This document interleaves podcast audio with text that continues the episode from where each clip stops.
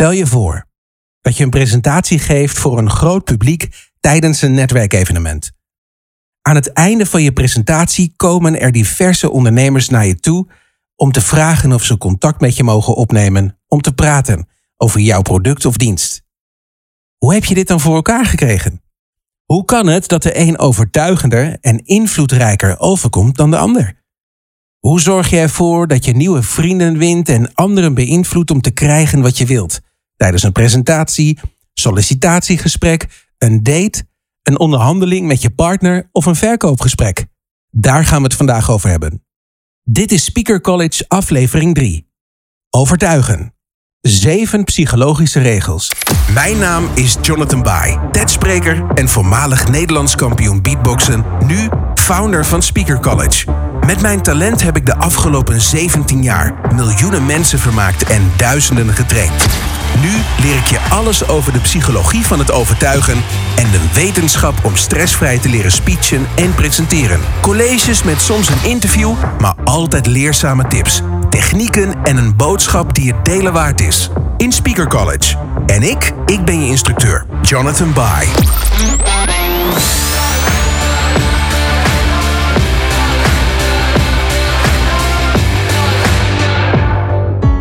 Chris Voss, voormalig hoofd van de FBI-afdeling onderhandeling bij gijzelingen, zei in zijn boek Never Split the Difference: De meest gevaarlijke onderhandeling is de onderhandeling waarvan je niet weet dat het een onderhandeling is.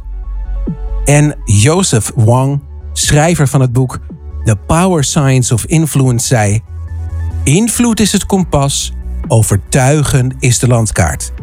Een mooi metafoor als je het mij vraagt. Overtuigen is de basis voor iedere conversatie waarbij je iets bij iemand voor elkaar wilt krijgen. De landkaart voor het gesprek dat je voert met je publiek of één op één. Het verschil tussen invloed en tussen overtuigen is gemakkelijk te onderscheiden. We spreken van overtuigen op het moment dat iemand ja zegt op jouw vraag om iets voor jou te doen. Dit gebruik je dus hoofdzakelijk in communicatie. Invloed gebruiken we om iemand iets voor ons te laten doen in de vorm van rijkdom macht en sociale status. Het gebied tussen invloed en overtuigen is dus zeer klein. De meest simpele voorbeelden van overtuigen zijn het boeken van een hotelkamer omdat je op de website ziet dat een x aantal mensen die hotelkamer ook hebben geboekt. Een product uitkiezen op basis van reviews of het verkoopgesprek dat je met een potentiële klant hebt en hij of zij je daarna de opdracht gunt. Het zijn allemaal illustraties van de kunst van het overtuigen. Ja, je hebt het goed gehoord. De kunst van het overtuigen. Overtuigen is namelijk niets meer en niets minder dan een optreden. En optreden kan iedereen leren, dus jij ook. Als ik het extreem platgeslagen vertaal naar de werkelijkheid, dan zou je kunnen zeggen dat overtuigen neerkomt op een set van psychologische basisregels die in ons brein verankerd zitten. Als je die regels toepast, kan je vrienden winnen, iemand van gedachten doen veranderen en anderen overtuigen om te krijgen wat jij wilt. Laten we eerst bij het begin beginnen. Wat is het psychologische mechanisme achter de beslissingen die we dagelijks bewust en onbewust maken? En op welke manier kan je deze beslissingen beïnvloeden? De beoordelingen en keuzes die we dagelijks maken worden in het midden van ons brein gemaakt. De wetenschappelijke naam voor het gedeelte van het brein waar we die beslissingen maken is de amygdala. Die term mag je direct weer vergeten. Wat je mag onthouden is dat we voor nu dat gedeelte van het brein vergelijken met een persoon. Zie je hoofd als een groot kantoor met allemaal archiefkasten waar alle herinneringen, de vaardigheden en andere zaken die je tot nu toe in je leven hebt geleerd en de beslissingen die je in het verleden hebt genomen liggen opgeslagen. In het midden van ons brein, de bovenkamer, het kantoor met alle archiefkasten om zich heen zit de persoon die alle beslissingen voor ons neemt. Een vriendelijke man die de kennis onder ons ook wel de kantoorpolitie noemen. Maar zijn echte naam is Chefke. Bonjour, madame et messieurs. Je m'appelle Chefke. Mijn naam is Chefke. Welkom in mijn kantoor. Hier zit ik de hele dag en neem ik alle beslissingen. Hij is er voor je wanneer je vrolijk bent, wanneer je boos bent en verdrietig bent of als jij misschien een avond lekker romantisch wil doen. Mmm, mon Dus onze kantoorpolitie. Chefke in de bovenkamer. Controleert alles. Iedere beslissing die we dagelijks nemen, wordt eerst door deze kantoorpolitie getoetst op waarheid. Twijfelt hij of is hij het er niet mee eens, dan zie je dat terug in onze acties. Een voorbeeld van die twijfel is wanneer sprekers stress ervaren en daardoor een blackout krijgen. Chefke in de bovenkamer weet dan even niet wat hij moet doen. Al twee decennia stel ik mijzelf regelmatig de vraag waarom wij als mensen doen wat we doen. Waarom maken we bepaalde keuzes wel en andere niet? En nog veel interessanter, hoe kan je zo'n keuze beïnvloeden? Als ons een drietal opties wordt voorgelegd, waarom kiezen we dan voor optie 1 of juist 2 of misschien 3? Op welke manier kan je iemand onzichtbaar motiveren om een bepaalde keuze te maken en als het is gelukt om deze keuze te beïnvloeden, kan je dan zeggen dat je iemand hebt overtuigd, beïnvloed of gemanipuleerd? Of heb je dan gewoon de juiste woorden gebruikt om iemands gedachten te veranderen? Over die kunst, dat optreden van het overtuigen en de zeven psychologische regels die daarbij horen, gaat deze aflevering. Een overtuigingstechniek die je iemand vast wel eens hebt zien gebruiken is: ik doe iets voor jou en dan doe jij iets voor mij. In gedachten vliegen we naar Napels, de Italiaanse havenstad. Want, al zou je het niet verwachten, daar is een wereldcultuur waar dit niet alleen een overtuigingstechniek is, maar gewoon een onderdeel van de Italiaanse koffiecultuur.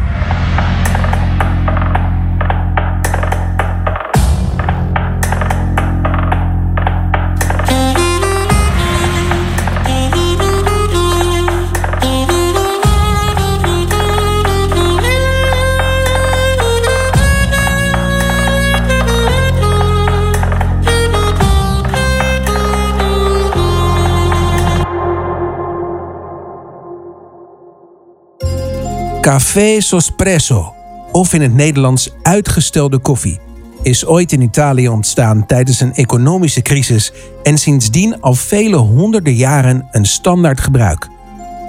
Je moet weten dat de Italiaanse koffiecultuur niet hetzelfde is als de Nederlandse. Net als met het temperament zijn er speciale gebruiken die wij niet kennen.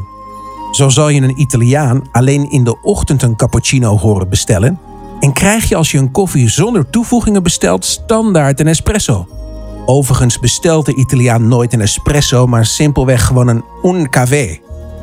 Een klein kopje koffie, maar vergis je niet. De sterkte van de koffie zorgt ervoor dat je een krachtige start van de dag ervaart. Maar wat krijg je dan als je een uitgestelde koffie bestelt? Als je in Napels een uitgestelde koffie bestelt, dan bestel je twee koffie, maar krijg je er maar één. De andere koffie is dan bedoeld voor de persoon die je niet kent en na jou een koffie bestelt. Toen deze vorm van koffie bestellen werd bedacht, was het oorspronkelijk bedoeld voor de mensen die het financieel minder breed hadden. Zij konden zo toch een lekker kopje koffie drinken.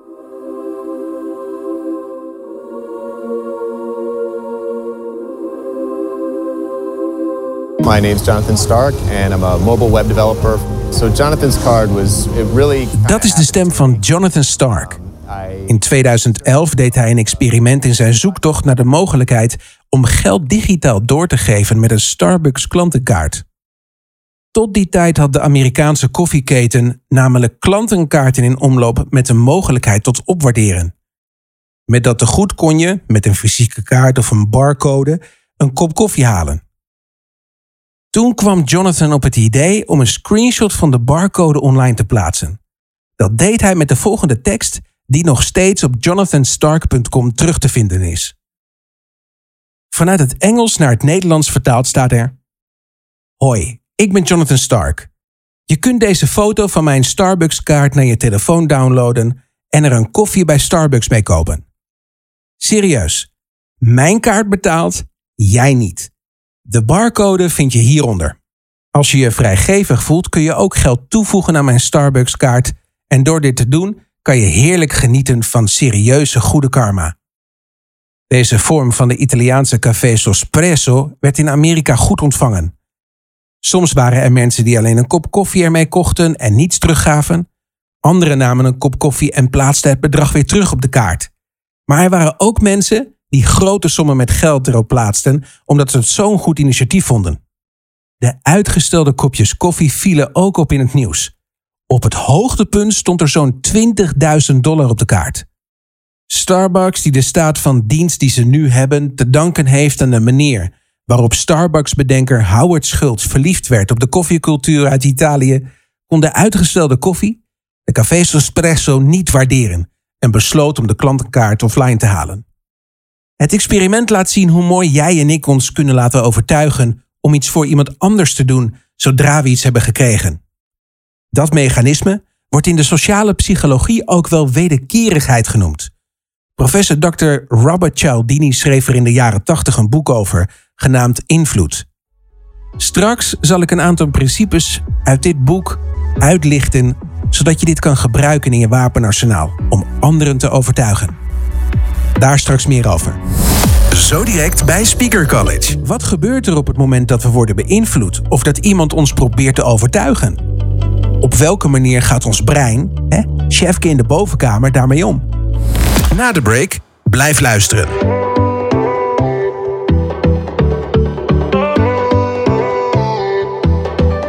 Werken de overtuigingstechnieken ook wanneer jij weet dat ik bezig ben met je te overtuigen? Dat onderzochten wetenschappers in Amerika een paar jaar geleden. In 2010 publiceerde een Harvard-professor in de geneeskunde de resultaten van een kleine proef die een veronderstelling uitdaagde die al tientallen jaren sterk stond in de wetenschap. De professor vroeg zich af of bedrog echt nodig was om het placebo-effect te laten gelden.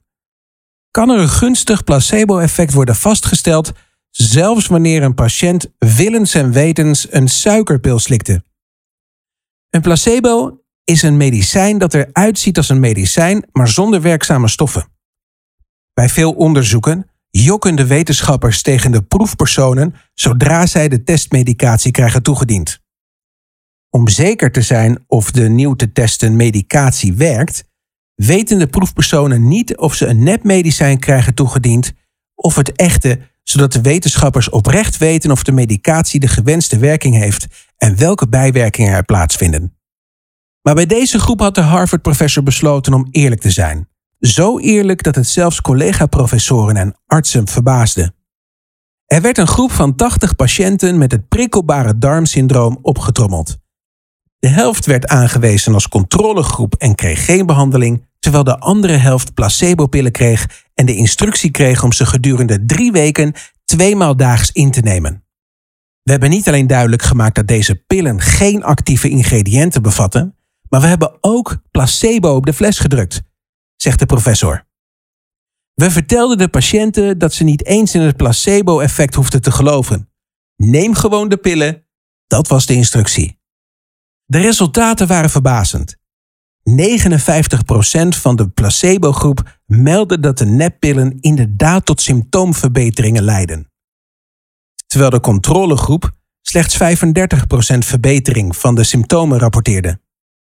Dus terwijl ze wisten dat ze een nepmedicijn kregen toegediend, werkte het toch om de symptomen te bestrijden. En zo werkt het ook met overtuigen. Onze overtuigingskracht neemt niet af zodra iemand weet dat hij of zij wordt overtuigd. Maar het feit dat we weten dat de overtuigingskracht die we hebben niet afneemt als iemand doorheeft dat we psychologische regels gebruiken om iemand te overtuigen, dat betekent niet dat je automatisch onder de radar blijft bij iemand. Anders gezegd, er is geen reden om lui achterover te gaan zitten. Je zal zeker nog wat werk moeten verzetten om ervoor te zorgen dat iemand aan jouw kant komt te staan. Voor jouw kant kiest en instemt met het verzoek dat je doet. Wat de zeven psychologische regels zijn om iemand te overtuigen, dat vertel ik zo meteen. Eerst wil ik het met je hebben over de drie randvoorwaarden waaronder we iemand kunnen overtuigen. Dit zijn dus de stappen die je moet nemen voordat je overgaat tot het overtuigen zelf. Deze drie randvoorwaarden, drie basisbeginselen, staan voor de basis die er nodig is om iemand te kunnen overtuigen. Het werkt als een soort cijferslot. Als je aan alle drie de voorwaarden voldoet, dan staan de juiste cijfers op een rij en gaat het brein en het denkbeeldige cijferslot op dat brein van je gesprekspartner open voor verandering en kan je beginnen met het toepassen van de overtuigingstechnieken die ik je straks leer om de gedachten van je gesprekspartner of publiek in jouw voordeel te veranderen. Voordat we beginnen met de drie basisbeginselen en daarna de overtuigingstechnieken, wil ik het met je hebben over het toepassen van deze handvatten. Bij het toepassen van alles wat ik je zo direct ga vertellen is één woord belangrijk. Ethiek, ethiek en ethiek. De nu volgende handvatten zijn echt krachtig. Zo krachtig dat je er ook dingen mee kan doen die minder goed zijn. Mijn tip is om het te gebruiken waar het voor bedoeld is. Het overtuigen om anderen te laten doen waar ze zelf beter van worden. En niet om mensen dingen te laten doen die ze niet willen en mensen dingen te laten kopen die ze niet willen kopen of nodig hebben. Om het verhaal goed te begrijpen, zal je merken dat ik diverse vormen van personen door elkaar gebruik. Publiek, gesprekspartner, toehoorder, luisteraar. Ik bedoel in alle gevallen iemand die je wilt gaan overtuigen. Nu we dat hebben besproken, kunnen we beginnen met de drie basisbeginselen die je toepast voordat je jouw overtuigingstechnieken gebruikt. Zie deze drie beginselen als het voorprogramma dat plaatsvindt voordat je gaat overtuigen, omdat de overtuigingstechnieken anders minder krachtig werken. Kan je je chefke nog herinneren uit het begin van deze aflevering? Hij maakt alle beslissingen in ons hoofd. Voordat hij groen licht geeft om ja op iets te zeggen, kijkt hij eerst alles na in alle archiefkasten die in jouw brein zijn opgeslagen of de vraag die gesteld wordt wel klopt. Het geheim om Chefke zo snel mogelijk ja te laten zeggen, heeft mede te maken met de drie factoren waar we het nu over gaan hebben. Met deze begrippen zorg je ervoor dat de onzichtbare muur tussen jou en je gesprekspartner omlaag gaat, zodat je het brein van de luisteraar verleidt om ja te zeggen. Heb je je ooit afgevraagd waarom sommige van je vrienden, familieleden of verkopers die je in het verleden hebt meegemaakt zo makkelijk zaken voor elkaar krijgen en jij niet? Dit is hun geheim. De drie basisbeginselen van het overtuigen. 1. Kennen. Als je iemand wil overtuigen, ook als je die persoon bijvoorbeeld voor het eerst ziet of spreekt, dan is het belangrijk dat je iemand het gevoel geeft alsof jullie elkaar al jaren kennen. Beginners gaan hier vaak de mist in door op een te persoonlijke manier tegen hun gesprekspartner te praten. Dat zorgt ervoor dat iemand in plaats van meelevend afkeer krijgt tegen het gesprek dat je aan het voeren bent. Nee, dat willen we niet. Wat we wel willen, is dat iemand het gevoel heeft alsof hij met een gelijkgestemde aan het praten is. Heb je het wel eens meegemaakt? Tijdens dat je met iemand aan het praten was, dat je dan ineens het gevoel kreeg: waarom heb ik jou niet eerder ontmoet? Dat is het gevoel waar we naar op zoek zijn. De sfeer die je tussen jou en je gesprekspartner creëert, noemen we dan ook wel rapport opbouwen. Rapport, dat betekent dat we een connectie opbouwen. Zo'n connectie kan je opbouwen door bijvoorbeeld lichaamstaal te spiegelen. Je doet dan iemands lichaamstaal op een subtiele manier na. Dit werkt in het bijzonder goed als je recht tegenover iemand zit. Zodra iemand met zijn of haar handen over elkaar gaat zitten, dan doe jij dat ook. Gaat iemand met zijn handen door het haar, dan doe jij dit op een subtiele manier ook. Subtiliteit is hier het sleutelwoord. Want als je het overdrijft, dan ziet het er heel erg gek uit. 2. Aardig vinden. Focus je in het gesprek op de leefwereld van je partner. Als je iemand wil overtuigen, ook als je die persoon voor het eerst ziet of spreekt, dan is het belangrijk dat die persoon je leuk vindt. Zeg nu zelf: koop je liever iets van een marktkoopman die laat zien dat hij zijn werk leuk vindt, of van iemand die om zich heen kijkt en wacht tot het vijf uur is? Ik denk dat je het liefst voor iemand uit de eerste categorie gaat. Op de eerste plaats is het belangrijk dat je aardig overkomt. Stel open vragen en als je normaal gesproken veel naar beneden gaat met de toon, terwijl je aan het praten bent, spreek dan nu met de spreektoon steeds in de hoogte. Het komt niet alleen vrolijker, maar ook vriendelijker over. Als je dit overdrijft, dan kan je gesprekspartner het gevoel krijgen dat je hem of haar in de zijk probeert te nemen, dus pas er wel mee op. In verkoopgesprekken kan je dit het beste doen door van tevoren de verwachtingen te managen op het gebied van de verkoop. Wees eerlijk over wat er wel en niet kan en vertel duidelijk hoe lang zaken gaan duren. Als je het niet vertelt en de oplevering van wat je hebt verkocht duurt bijvoorbeeld langer, denk aan het bouwen van een website of een product dat je besteld hebt dat is niet leverbaar, dan breek je de connectie die je eerder hebt opgebouwd en gaat je geloofwaardigheid eraan. Wat je wil is vertrouwen opbouwen in een zo kort mogelijke tijd. 3. Vertrouwen. Als je iemand wil overtuigen, dan moet je ervoor zorgen dat iemand het gevoel heeft dat je te vertrouwen bent. In een presentatie of in een verkoopgesprek heb je meestal niet zo lang de tijd om dat vertrouwen op te bouwen. Gelukkig helpt dit beginsel je snel bij het planten van dat zaadje van vertrouwen dat je straks nodig hebt. Dit basisbeginsel werkt meestal het beste als je het combineert met iets wat ik contra-argumenten noem. In het gesprek dat je voert, draai je het gesprek ineens naar jezelf om iets aan het product, jouw plan of jouzelf in een negatief daglicht te zetten. Je brengt jezelf op professionele wijze in diskrediet. Maar hoe? Ik ga je een voorbeeld geven. Stel je voor dat je uit eten bent in een restaurant. De ober komt om te vragen wat je wilt drinken. Je bestelt voor jou en je tafelgast een fles wijn. De ober blijft je aankijken. Daarna kijkt hij links en dan even naar rechts, om vervolgens iets naar voren te leunen en het volgende tegen je te vertellen. Meneer of mevrouw, ik mag het eigenlijk niet zeggen, maar u staat op het punt om een minder goede keuze te maken. De andere wijn die op de kaart staat is veel beter.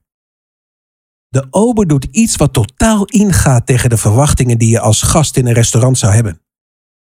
Daardoor heeft hij het vertrouwen van de gast gewonnen en zal hij niet alleen een mooie fooi krijgen misschien, maar kiest de gast de volgende keer nog een keer voor het restaurant. En wie mag dan de aanbeveling van de kaart geven? Precies, diezelfde ober. Als je wilt starten met het overtuigen, dan start je vanaf nu dus ieder gesprek met één van bovenstaande drie beginselen. De drie basisbeginselen die je in je presentatie, verkoopgesprek, speech of toespraak eerst doorloopt voordat je een poging doet om iemand te overtuigen. Onze amygdala, dat limbische brein, dat oerbrein, het middelste gedeelte van onze hersenen, die we eerder vergeleken met een persoon en chefke noemden, het gedeelte van het brein dat alles controleert voordat we een beslissing maken, moet overtuigd worden. Dus iedere keer dat we iemand tegenkomen op het werk of het dagelijks leven, of of online, per video of foto of een andere manier, dan maakt ons brein een analyse. Chefke probeert er op die manier voor ons achter te komen hoeveel de persoon aan de andere kant weet over wat ze zeggen, hoe deskundig hij of zij is, hoe zelfverzekerd ze lijken, etc. Het toepassen van de vorige drie basisbeginselen is dus niet zomaar een foefje uit de hoge hoed van de goochelaar, maar heeft een functie om het brein van de persoon die je wilt overtuigen op het gemak te stellen. De persoon wordt daarmee ontvankelijk voor jouw overtuigingspoging. Maar dan rijst de grote vraag: op welke psychologische knoppen moet je drukken om iemand te overtuigen? Dat vertel ik je in het nu volgende deel, getiteld Overtuigen. Zeven psychologische regels. Voordat we iemand kunnen overtuigen, zijn er dus drie basisbeginselen van het overtuigen die we hebben doorlopen en daarna komen de zeven psychologische regels van het overtuigen. Het zijn de vuistregels die je kan gebruiken in jouw communicatie met jouw publiek, maar ook één op één of online. Het zijn de regels die, als je ze goed gebruikt, ervoor zorgen dat je vrienden voor je kan winnen, mensen kan beïnvloeden en overtuigen om te doen wat jij wilt. Deze vuistregels kan je gebruiken in een verkoopgesprek, tijdens je presentatie, een sollicitatie of een vriend of vriendin die je over de streep heen wil trekken. De zeven psychologische vuistregels zijn namelijk direct gelinkt aan het verankerde gedeelte in ons brein dat de beslissingen maakt. Let op. Ook voor de nu volgende vuistregels geldt ethiek, ethiek en ethiek. Ik kan het niet vaak genoeg herhalen. Het is heel verleidelijk om met deze psychologische regels aan de haal te gaan en een cocktail van communicatie op iemand af te vuren en zo zaken voor elkaar te krijgen die een daglicht niet kunnen verdragen. Daarom wil ik je vragen om deze regels alleen toe te passen in het voordeel van je gesprekspartner en niet voor jezelf, om andere dingen te laten kopen die ze niet willen kopen of niet nodig hebben, of dingen te laten doen waar ze later spijt van krijgen. Niet doen dus. Regel 1. Wederkerigheid. Herinner je je Jonathan Stark nog uit het begin van deze aflevering? Jonathan zette een sociaal experiment op waarbij hij de barcode van zijn klantenkaart bij Starbucks online deelde met de opmerking: Neem een koffie van mij en als je vindt dat je vandaag gul mag zijn, stort dan wat geld terug. Massaal werd er gehoor gegeven aan wat de Italianen al honderden jaren kennen als de uitgestelde koffie. Bij een uitgestelde koffie koop je twee kopjes koffie, maar je krijgt er maar één. Het andere kopje koffie, in het Italiaans café espresso, is voor iemand die het financieel minder breed heeft. Op het moment dat jij iets voor iemand anders doet, dan voelt die persoon in zichzelf, zonder dat het gezegd wordt, een drang om iets terug te doen. Zoals in het experiment waarin de wetenschappers die het onderzoek deden, voorafgaand aan het deelnemen aan een één op één onderzoek, een blikje frisdrank van de onderzoekers kregen aangeboden. Wat bleek was dat mensen die een blikje frisdrank voor de start van het onderzoek hadden ontvangen, sneller een ja-antwoord gaven op de vraag: wil je kaartjes kopen voor de honkbalwedstrijd van aankomende zaterdag? dan mensen die geen blikje frisdrank hadden gekregen. Hoe komt dat? Omdat de onderzoekers het blikje frisdrank hadden aangeboden voordat het experiment begon, als een soort van dankjewel, voelde de proefpersoon zich bezwaard om nee te zeggen op de vraag of de persoon honkbalplaatjes zou willen kopen. Dat mechanisme noemen we wederkerigheid. Ik doe iets voor jou en dan doe jij iets voor mij. Maar ga je dan de volgende keer dat je iets voor iemand doet tegen de persoon zeggen: Zo, en nu heb ik wat voor jou te goed? Natuurlijk ga je dat niet zeggen. Je kan dan, volgens professor Dr. Robert Cialdini, schrijver van het boek Invloed, waar deze en de andere regels in staan, zoiets zeggen als: Hé hey joh, geen dank. Ik weet dat jij voor mij hetzelfde zou hebben gedaan. Zo zeg je op een vriendelijke manier: Ik heb nog iets voor jou te goed. Regel 2. Consistent gedrag. Deze regel zegt: Ik hou mij aan mijn afspraken. Als mens zijn we van nature koppig. Maar als het op consistentie aankomt, zijn we behoorlijk rationeel, ondanks ons irrationele gedrag. Als je bijvoorbeeld een gokker bent, wanneer voel je je dan het meest op je gemak bij je weddenschap? Voordat je inzet of net daarna? De meeste mensen voelen zich het meest op hun gemak bij hun keuze nadat ze deze hebben geplaatst. Omdat ze willen geloven in de keuze die al is gemaakt. Door je geld neer te leggen, bevestig je je keuze en krijg je vertrouwen in je beslissing. Gewoon omdat je de keuze hebt gemaakt. Onderzoekers hebben laten zien dat als je bijvoorbeeld van je rookverslaving af wilt komen, dit het beste werkt door in het openbaar daar een mededeling over te doen. Als je dit bijvoorbeeld op Facebook, Instagram of LinkedIn plaatst, dan is de kans veel groter dat je het stoppen volhoudt. Naast commitment is consistentie een andere factor die van invloed is op je beslissing. Stel je voor dat iemand tijdens een onderzoek waarom donaties werd gevraagd over de gulheid van de mensen in de buurt begon. Dan zou je wel gek zijn om geen grote donatie te doen, toch? Mensen hebben behoefte aan consistentie, omdat het ons in staat stelt om snel koppelingen te maken in deze gecompliceerde, moderne wereld en het voorkomt dat we inconsistent worden genoemd, wat in de meeste kringen geen fijne eigenschap is.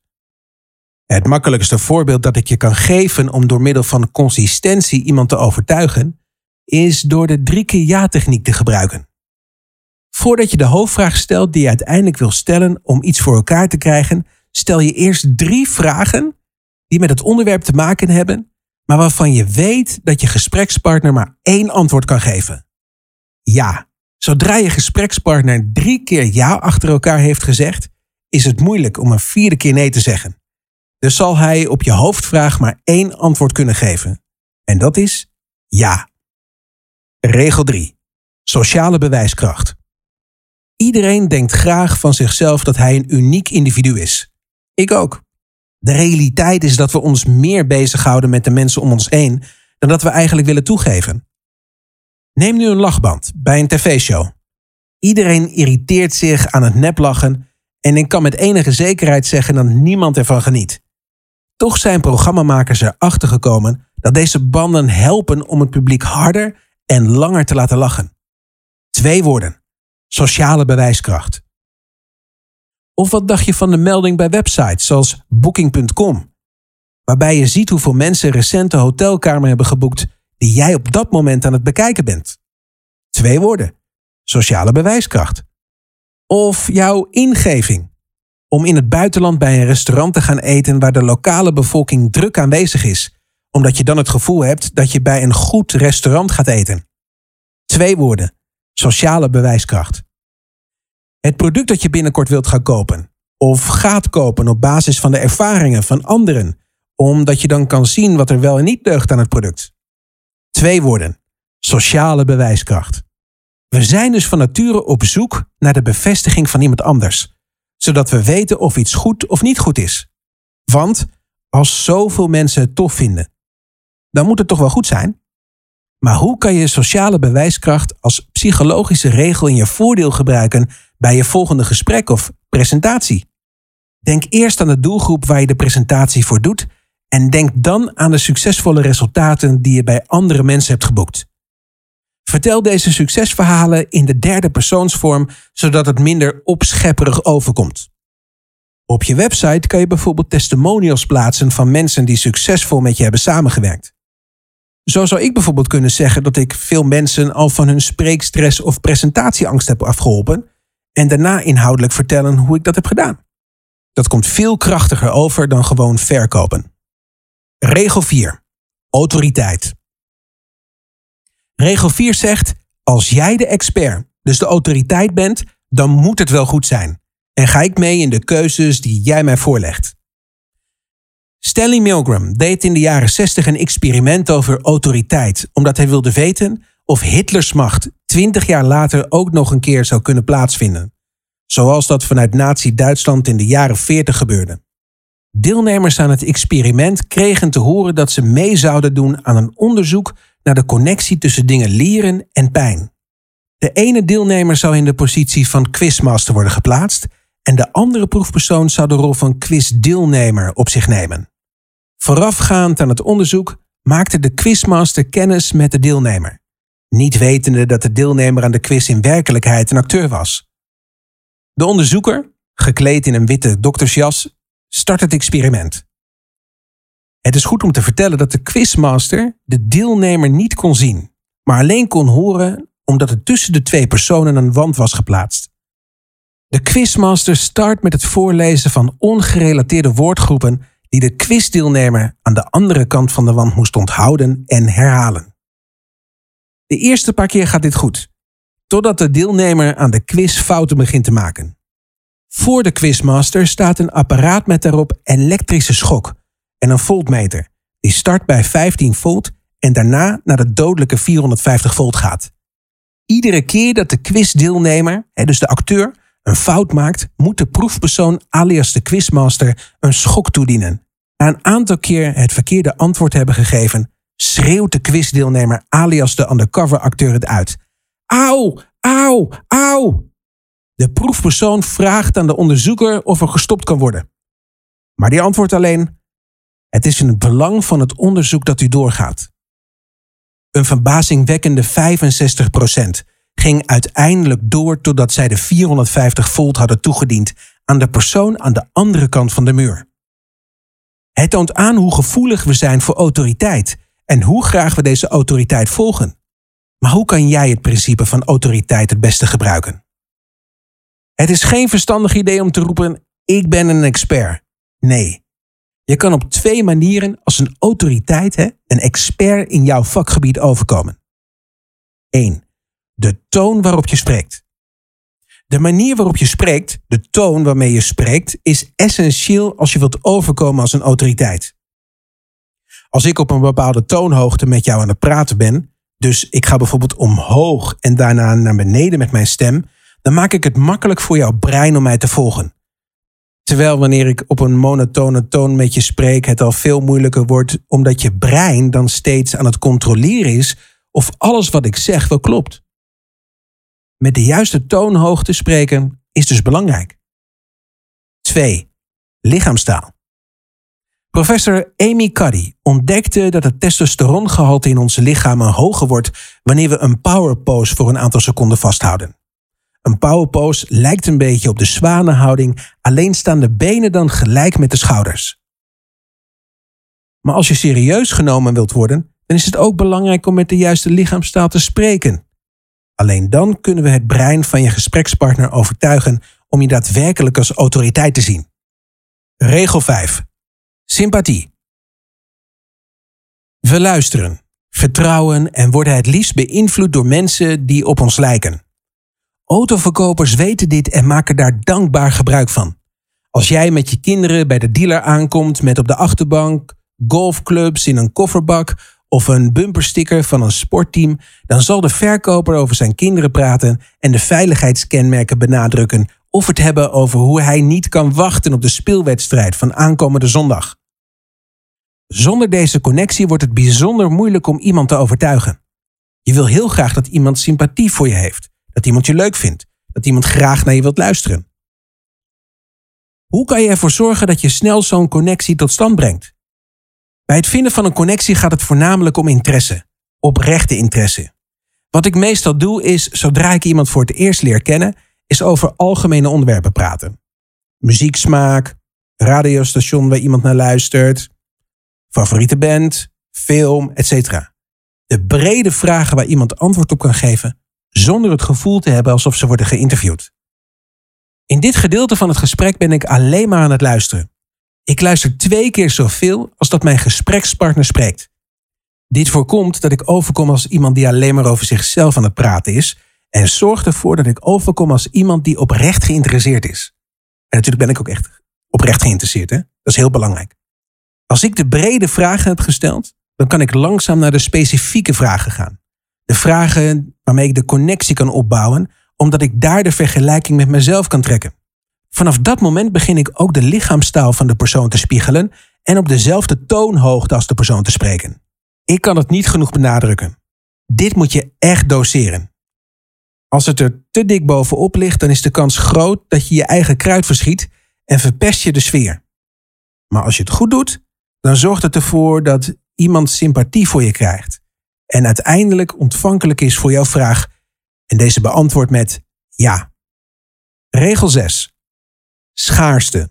Regel 6, schaarste zegt: als er minder beschikbaar is, dan willen we er meer van. Alles wat schaars is, daar willen we meer van. Hoe gek het ook klinkt. In 1975 wilden onderzoekers weten hoe mensen koekjes zouden beoordelen in twee identieke glazen potten. De ene pot bevatte 10 koekjes, terwijl de andere slechts twee koekjes bevatte. Welke koekjes zouden mensen meer waarderen? Hoewel de koekjes en potten identiek waren, waardeerden de deelnemers die in de bijna lege pot hoger. Schaarste had op een of andere manier hun waarneming van waarde beïnvloed. We zagen het ook bij de start van de coronacrisis in maart 2020. Mensen sloegen massaal aan het hamsteren. Het was zo erg dat on- en offline supermarkten het niet konden bolwerken om de schappen op tijd te vullen en dat er op een gegeven moment werd besloten om de deuren in de middaguren een tijd dicht te gooien of de bezorging van de boodschappen helemaal te schrappen. Schaarste is een krachtige vuistregel die psychologisch in ons verankerd zit. Dat mag duidelijk zijn. Als spreker kan je handig gebruik maken van deze regel op verschillende manieren. Bijvoorbeeld, vertel je publiek dat je een x aantal exemplaren van je nieuwe boek bij je hebt, die mensen na je presentatie kunnen kopen. En vervolgens vertel je dat het de laatste zijn. Je kan ook mensen die op je nieuwsbrief staan een e-mail sturen met daarin een aanbieding. Bijvoorbeeld met twee mensen meedoen met je training voor de prijs van één. Maar dat dit alleen de aankomende 24 uur kan. Schaarste heeft altijd met aantallen of tijd te maken dat iets beschikbaar is. Regel 7. Het wijgevoel. Groepsvorming. Het wijgevoel is een krachtige regel en zegt: Als ik voel dat ik bij een groep hoor, dan vervallen mijn normen en waarden. Gustave Le Bon schreef in het jaar 1895 een boek over de psychologie van groepen. Hitler gebruikte het als handboek voor het verzet dat hij creëerde dat uiteindelijk uitmondde in de Tweede Wereldoorlog. In het boek schrijft Le Bon hoe de individuele normen en waarden verdwijnen zodra we onderdeel worden van een groep en hoe we de normen en waarden absorberen van diezelfde groep. Grote sterren maken daar dankbaar gebruik van. Door hun fans een koosnaam te geven en op die manier constant toe te spreken. Zo heet de fans van Lady Gaga Monsters en Justin Bieber Believers en Beyoncé Beehives. Het zijn allemaal manieren om een groep te labelen. Het vormen van een groep gaat het snelst als je een parameter vindt dat bij iedereen in de zaal gelijk is. Bij mij zou dat zijn dat mensen beter willen leren presenteren of dat mensen over hun spreekangst willen komen. Daar kan ik dankbaar gebruik van maken door mijn publiek winnaars te noemen. Omdat wanneer je spreekangst overwint, je van jezelf kan zeggen dat je een winnaar bent. Op welke manier karakteriseert jouw publiek zich? Op welke manier kan jij jouw publiek labelen en aanspreken? Het gaat er dus niet om wat je zegt, maar hoe je het zegt.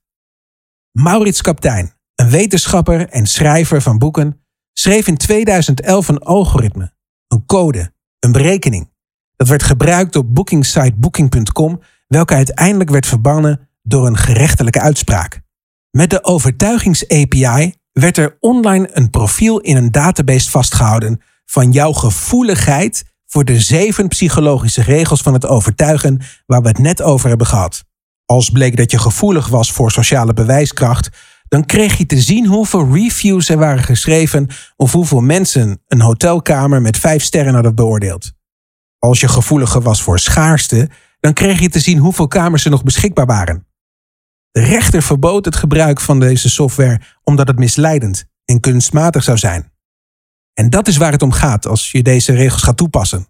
Het is belangrijk dat je het doet in het belang van zowel je gesprekspartner als jijzelf. Dan maakt het niet uit of je gesprekspartner een persoon is of meerdere personen in het publiek. Want deze regels kan je direct toepassen in je leven en dan maakt het niet uit of je een presentatie aan het geven bent of een verkoopgesprek aan het voeren bent.